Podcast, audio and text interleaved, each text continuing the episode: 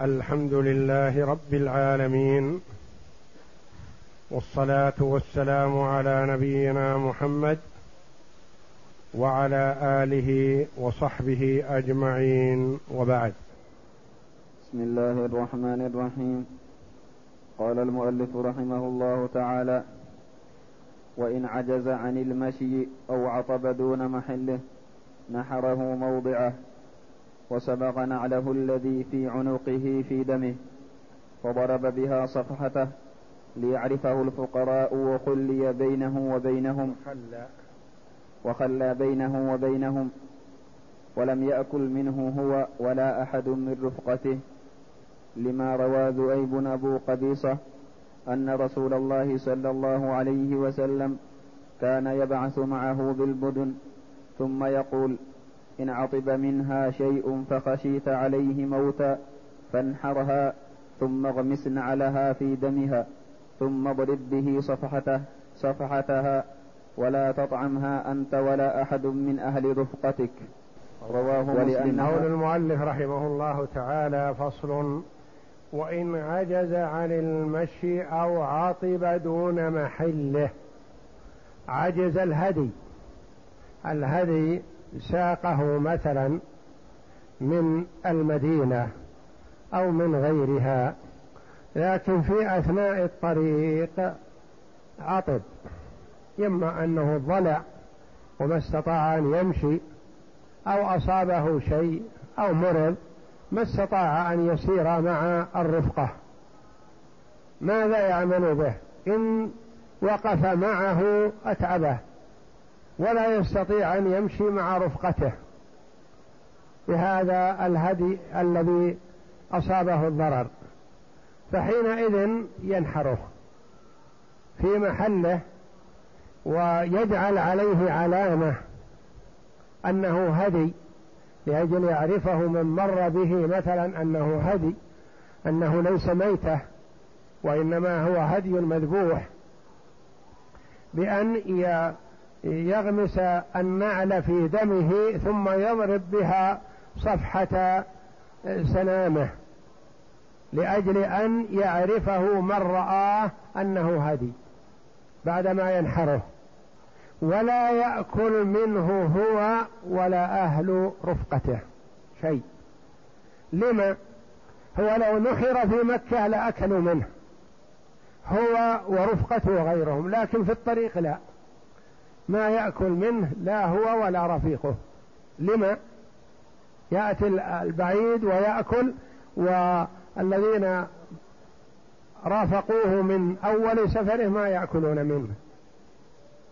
لأنهم يخشى أن يتساهلوا فيه فيسببوا له الضرر أو العطب أو يسارعوا في نحره قبل أن ييأس منه لأجل أن يأكلوه.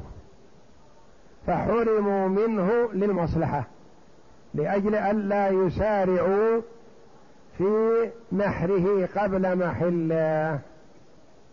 ولأنه يتهم في التفريط فيها ليأكلها أو يطعمها رفقته فمنعوا من أكلها لذلك. فإن لم يذبحها عند خوفه عليها حتى تلفت ضمنها لأنه فرط فيها فلزمه ضمانها كالوديعة إذا رأى من يسرقها فلم يمنعه وإن أتلفها ضمنها لأنه أتلف مالا يتعلق به حق غيره فضمنه كالغاصب. فإن فرط فيها رأى أنها لا تستطيع المسير ولم ينحرها لينتفع بها تركها. كأنه قال في نفسه ما دمت أنا لا, لا آكل منها ولا رفقتي يأكلون لماذا نذبحها؟ دعها تموت حتف أنفها. نقول إذا ماتت حتف أنفها ضمنتها لأنك فرطت لأنك فرطت فيها وأنت مؤتمن عليها وكل مؤتمن إذا فرط ضمن. وكل مؤتمن إذا لم يفرط فلا يضمن. مثلا ائتمنك أخوك المسلم على نقود فوضعتها في صندوق الحديد وأقفلت عليها وحفظت الصندوق في وسط البيت. فجاء سراق في ليل أو نهار وكسروا الباب وحملوا الصندوق أو كسروا الصندوق وأخذوا الدراهم. ما تضمن أنت في هذه الحال لأنك ما فرطت. هذا ما في وسعك. أن تقفل عليها في صندوق الحديد. ما فرطت فلا ضمان عليك. آخر ائتمنك على مبلغ من المال. وأعطاك عشرة آلاف أو أكثر أو أقل. وقال احفظها يا أخي. فوضعتها في رف من رفوف المجلس. فبعد يوم أو يومين التفت فما وجدتها. فجاءك صاحبها قال يا أخي دراهمي. فقلت له أنا وضعتها في المجلس عندي وسرقت. فتخاصما إليك. فماذا أنت قائل؟ تسأل الأمين. ماذا عملت بهذه الدراهم؟ قال وضعتها في المجلس في رف من رفوف المجلس بظرف من الظروف الورقية. تقول له لا يا أخي هذا تفريط. الدراهم ما جرت العادة أنها تحفظ هكذا. أنت فرطت فيها فأنت ضامن. وهكذا. فكل مؤتمن إذا فرط ضمن وكل مؤتمن إذا لم يفرط فلا ضمان عليه. وهكذا وقال هنا إذا فرط فيها يعني جعلها تموت حتف أنفها وهو يراها فقد فرط فيضمنها. كالوديعة إذا رأى من يسرقها فلم يمنعه. كذلك. وإن أتلفها ضمنها لأنه أتلف مالا تعلق به حق الغير. هو أتلفها. هو جنى عليها بشيء فأتلفها. يلزمه ضمانها لأنه تعدى عليها بالتلف. نعم.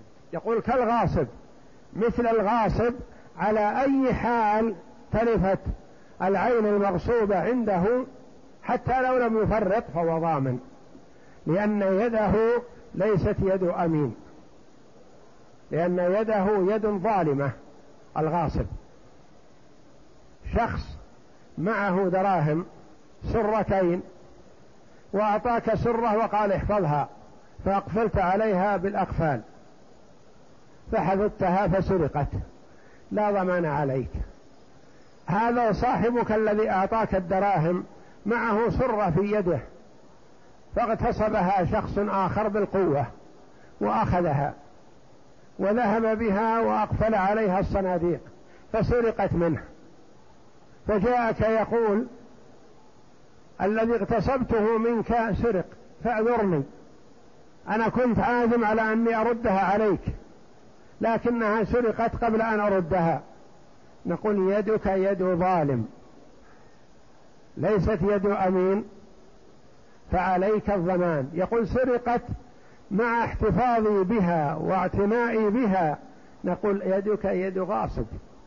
يد الغاصب ضامنة على كل حال.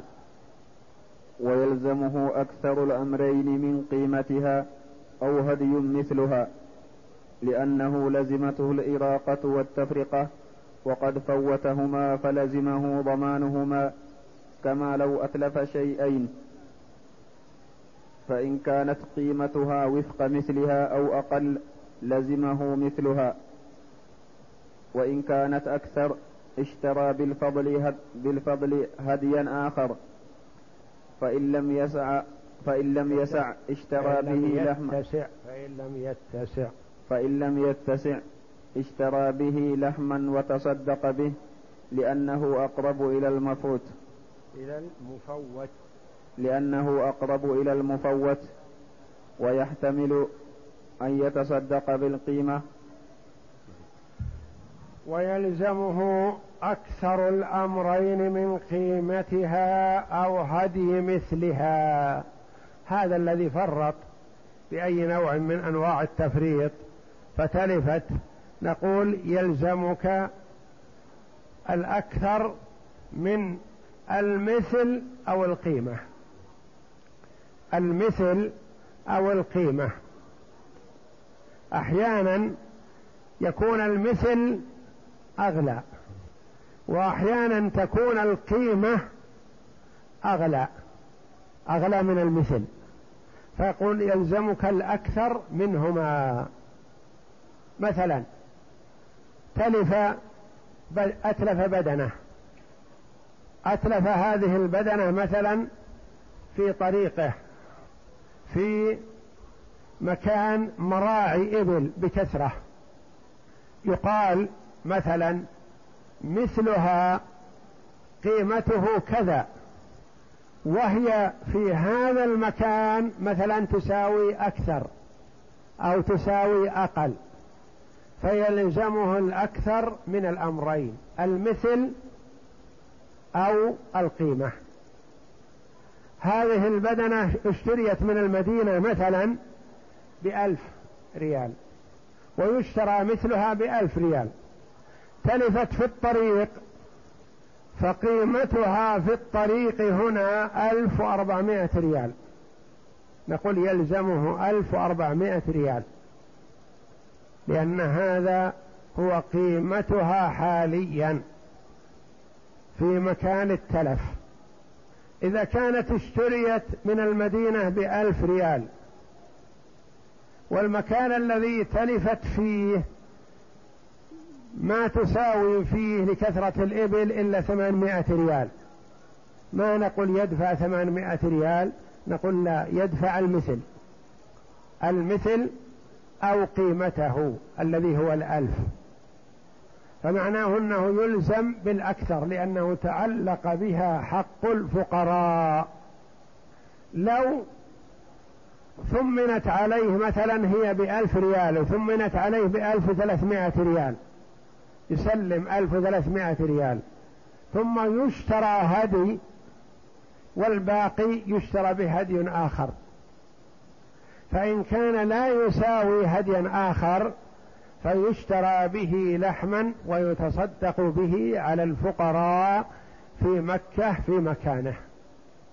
وهكذا. يعني يلزمه المثل أو القيمة الأكثر منهما.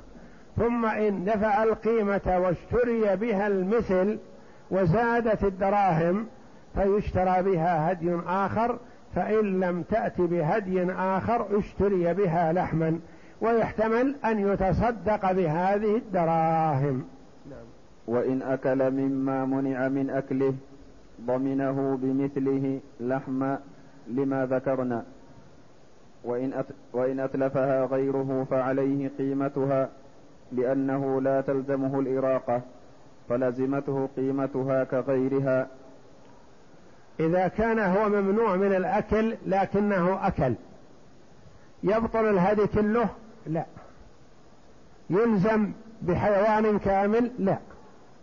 يلزم بمقدار ما أكل لأنه فوت على الفقراء حقهم بهذا اللحم الذي أكله فيشترى فيشتري لحم بهذا المقدار الذي أكله ويدفعه للفقراء. وإن أتلفها غيره فعليه قيمتها. الغير ما نلزمه بالمثل لأن الغير لا يلزمه إلا الضمان.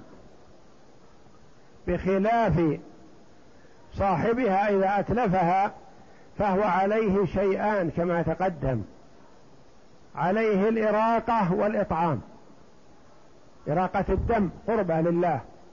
فلذا قيل يلزم بالمثل أو الأكثر قيمة ليشترى به.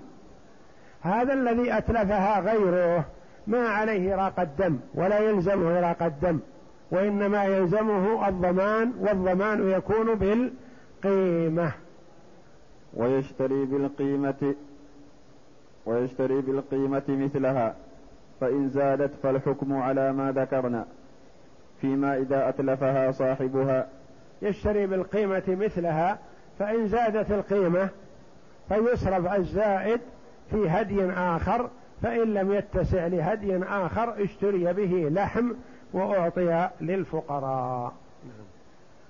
وإن اشترى هديا فوجده معيبا فله الأرش ويحتمل أن يكون للمساكين لأنه بدل عن الجزء الفائت من حيوان جعله لله تعالى فكان للمساكين كعوض ما أتلف منه بعد الشراء.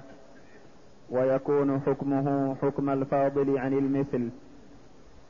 ويحتمل أن يكون له لأن النذر إنما صادف المعيب بدون الجزء الفائت فلم يدخل في نذره فلا يستحق عليه بدله.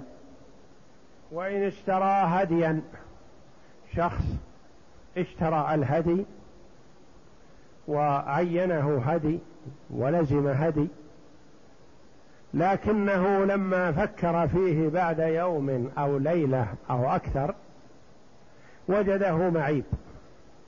الآن هو هدي ما يصلح يرجع. هو هدي للمساكين. ولا يصلح أن يرضى به معيبا. فيؤخذ أرش العيب هذا. اشترى الناقة مثلا بألف ريال. فسماها وعينها هدي. فلما كان في الصباح وجدها فيها عيب. فعرض عيبها هذا فوجد ينقص القيمة بمائتي ريال. صارت لا تسوي إلا ثمانمائة ريال. فيلزم البائع أن يدفع مائتي ريال. المائتين هذه لمن تكون؟ للمالك الذي أهدى أم للمساكين ويشترى بها هدي آخر؟ يحتمل الأمرين. قيل تكون معه لأنه أهدى هذه العين على أنها كاملة فتبين نقصها فصار النقص معها يشترى به الأرش هذا يشترى به لحما معها أو هديا آخر. القول الآخر أن هذا الأرش يكون للمالك لأنه هو اشترى هذه العين وأهداها. أهداها بعيبها. ما استجد هذا العيب عنده وإنما أهداها بعيبها. فحق الفقراء تعلق بهذه العين فتكون الدراهم له. احتمالان. فصل ولا يزول ملكه عن الهدي والأضحية بإيجابهما نص عليه. وله إبدالهما بخير منهما. وقال أبو الخطاب يزول ملكه وليس له بيعه ولا إبداله لأنه جعله لله تعالى فأشبه المعتق والموقوف. ووجه الأول أن النذور محمولة على أصولها في الفروض وفي الفرض لا يزول ملكه وهو الزكاة وله إخراج البدل فكذلك في النذور. وأما في بيعها بدونها فلا يجوز لأن فيه تفويت حق الفقراء من الجزء الزائد فلم يجز كما لو أخرج في الزكاة أدنى من الواجب. ولا يجوز إبدالها بمثلها لأنه تفويت لعينها من غير فائدة تحصل. ولا يزول ملكه عن الهدي والأضحية بإيجابهما. نص عليه. اشترى الهدي بألف ريال. وقال هذا هدي. سماه. هل له أن يتصرف بهذا الهدي؟ تصرف فيه مصلحة للفقراء؟ أم ليس له أن يتصرف به مطلقا؟ أبو الخطاب من أئمة الحنابلة وفقهائهم يقول يزول ملكه. ما يجوز له أن يتصرف فيه بأي نوع من التصرف. زال ملكه. جعله لله ولله. لا يبيعه ولا يبدله ولا يتعرض له. لأنه بمثابة الوقف ومثابة المعتق. مثل المسجد إذا أوقفه أصبح مسجد ما يستطيع أن يتصرف فيه. عبد أعتقه كذلك يعتق. ما يستطيع استرجاعه. القول الآخر الذي قدمه المؤلف رحمه الله أنه لا يزول ملكه. هو يبقى في ملكه لكن ملك مراعى. قال مثلا هذه أحب أن أبقيها في ملكي لأنها ذلول وصالحة للركوب وأنا تعودت على الركوب عليها وأشتري بدلها أحسن منها. هذه تساوي في السوق ألف ريال. أنا أشتري بألف وأربعمائة ريال. واجعلها هدي نقول له على هذا الرأي لا بأس. تصرفك هذا حسن. يقول أنا لي مصلحة في ركوبها. أريد أن أبقيها وأشتري بنفس القيمة. نقول لا. لا مصلحة للفقراء في هذا فلا.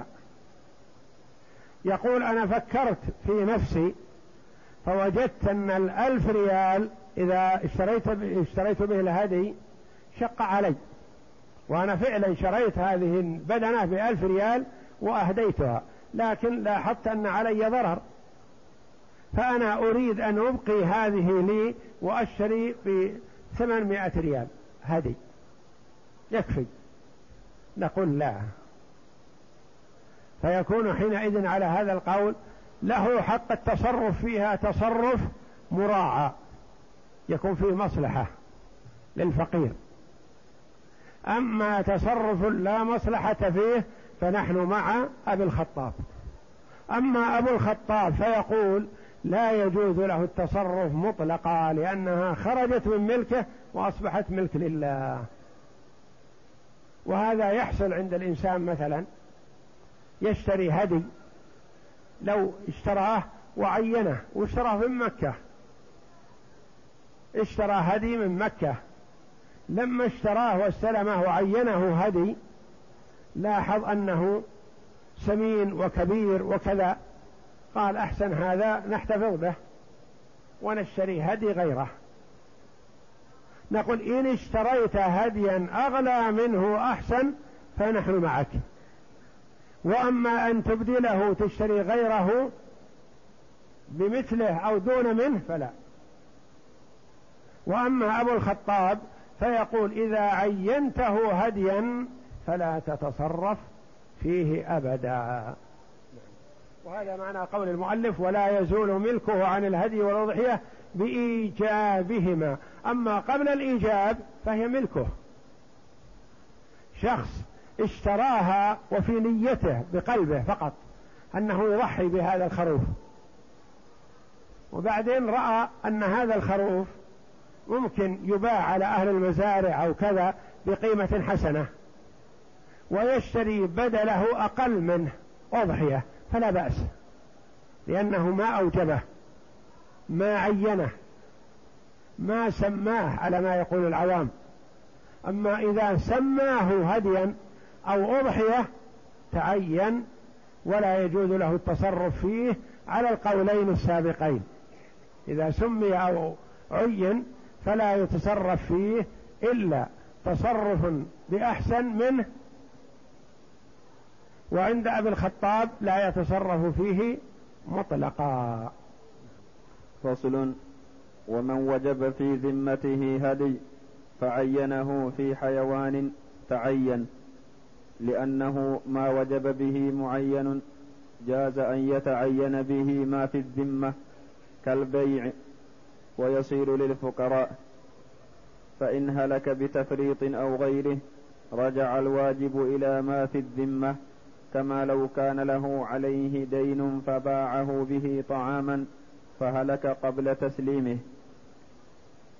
فإن تعيب أو عطب فنحره لم يجزئه لذلك. وهل يعود المعيب, المعيب إلى صاحبه؟ فيه روايتان. إحداهما يعود ذكره الخلقي. فقال صنع به ما شاء لأنه إنما عينه عما في ذمته. فإذا لم يقع عنه عاد إلى صاحبه. كمن أخرج زكاته فبان أنها غير واجبة عليه. والأخرى لا يعود. لأنه صارت للمساكين بنذره فلم تعد إليه كالذي عينه ابتداء. نعم. ومن وجب في ذمته هدي وعينه في حيوان معين فهلك بتفريط أو غيره. شخص في ذمته هدي. فاشترى الهدي وقال هذا عما في ذمتي. على الهدي كذا. هذا تعين. وعينه. فتلف. بتفريط أو غير تفريط.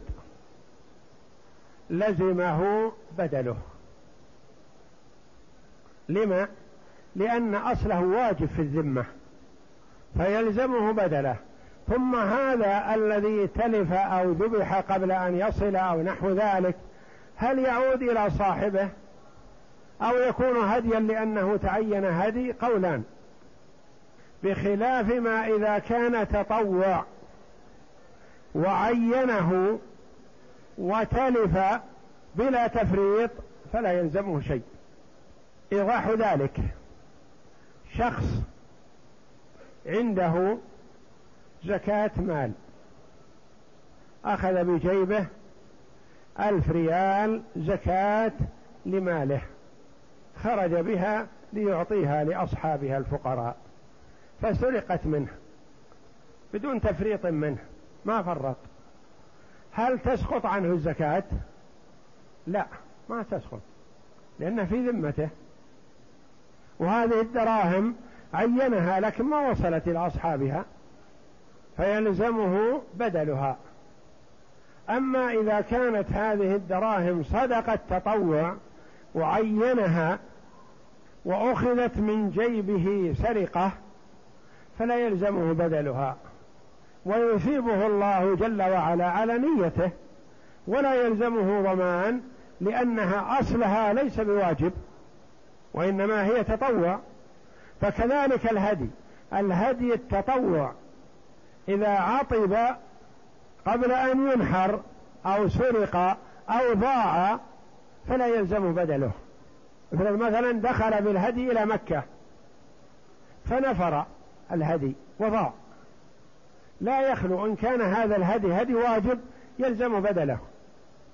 لأنه ما نحر شيئا. وإن كان هذا الهدي تطوع فلا يلزم بدله حتى وإن كان مسمى لأنه ما فرط فيه وليس واجبا في الأصل وإنما هو تطوع فلا يلزمه ضمانه. وهل فإن تلف بغير تفريط لم يلزمه أكثر مما في الذمة لأن الزائد إنما تعلق بالعين فسقط بتلفها وإن تلف, وإن تلف بتفريط لزمه أكثر الأمرين لأنه تعلق بالمعين حق الله تعالى. فإذا أتلفه فعليه مثل ما فوته. فإن ولد هذا فإن ولد هذا المتعين تبعه ولده. لما ذكرنا في المعين ابتداء. فإن تعيبت الأم بطلت فبطل تعيينها. تعيينها نعم فبطل تعيينها. فبطل تعيينها ففي ولدها وجهان أحدهما يبطل تبعا كما ثبت تبعا والثاني لا يبطل لأن بطلانه في الأم لمعنى اختص بها بعد استقرار الحكم في ولدها فلم يبطل فيه كما لو ولدت في يد المشتري ثم ردها لعيبها. فإن تعيبت الأم فبطل تعينها, تعيينها ففي ولدها وجهان يعني إذا شرى هدي وسماها هدي وعينها ثم ولدت. لا شك أن ولدها يكون هدي معها. ثم بعد ذلك تبين بطلانها حيث أنها حصل فيها عيب أو نحو ذلك. فهل يستمر الولد يكون هدي ويعوض عن الأم؟ أم أن الولد يرجع معها إلى ملك صاحبها وعليه ضمان الأم فقط؟ قولان والأظهر أن الولد تعين وأصبح هدي والولد سالم من العيوب فهو هدي وعليه التبديل تبديل الأم بغيرها. فصل وإذا ذبح هديه أو أضحيته إنسان بغير أمره في وقته أجزأ عنه لأنه لا يحتاج إلى قصده. فإذا فعله إنسان بغير إذنه وقع الموقع ولا ضمان على الذابح لأنه حيوان تعين إراقة دمه على الفور حقا لله تعالى فلم يضمنه كالمرتد. وإذا ذبح هديه أو أضحيته إنسان بغير أمره. في وقته أجزأ عنه. شخص اشترى الأضحية وعينها وجعلها في البيت وخرج لصلاة العيد عيد الأضحى. على نية أنه لن يعود إلا بعد صلاة الظهر. فإذا عاد ذبح أضحيته وتولاها بنفسه.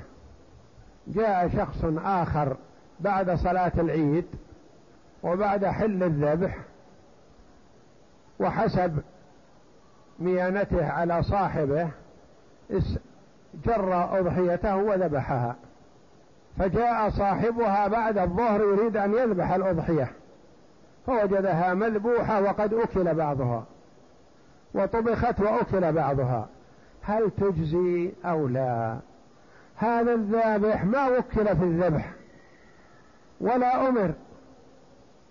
وهذا أغلق عليها الباب على نية أنه لن يذبحها إلا بعد الظهر. وربما يكون دعا أناسا لأكلها بعد المغرب أو بعد العشاء. فجاء بعد الظهر فوجدها قد ذبحت الأضحية وأكلت. فما الحكم؟ هل تجزي أو لا؟ نعم تجزي. وليس على الذابح شيء لأنه ذبح شيئا في وقته. هديا كان أو أضحية سيان. فلا يلزمه شيء. لكن لو ذبحها قبل وقت ذبحها لزمته لأنه ذبحها في غير وقت الذبح. وهذا معنى قول المؤلف رحمه الله وإذا ذبح هديه أو أضحيته إنسان هذا هو الفاعل.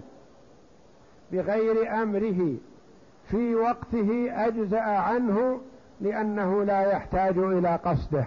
ما يحتاج وليس بلازم أن يذبح هو أو أن يحضر الذبح وإنما يستحب هذا استحبابا. فإذا فعله إنسان بغير إذنه وقع الموقع ولا ضمان على الذابح لأنه حيوان تعين إراقة دمه على الفور لأنه سمى قال هذه أضحية أو هذا هدي. وجاء إنسان وذبحه فلا شيء عليه في هذا. والله أعلم. وصلى الله وسلم وبارك على عبده ورسول نبينا محمد وعلى آله وصحبه أجمعين.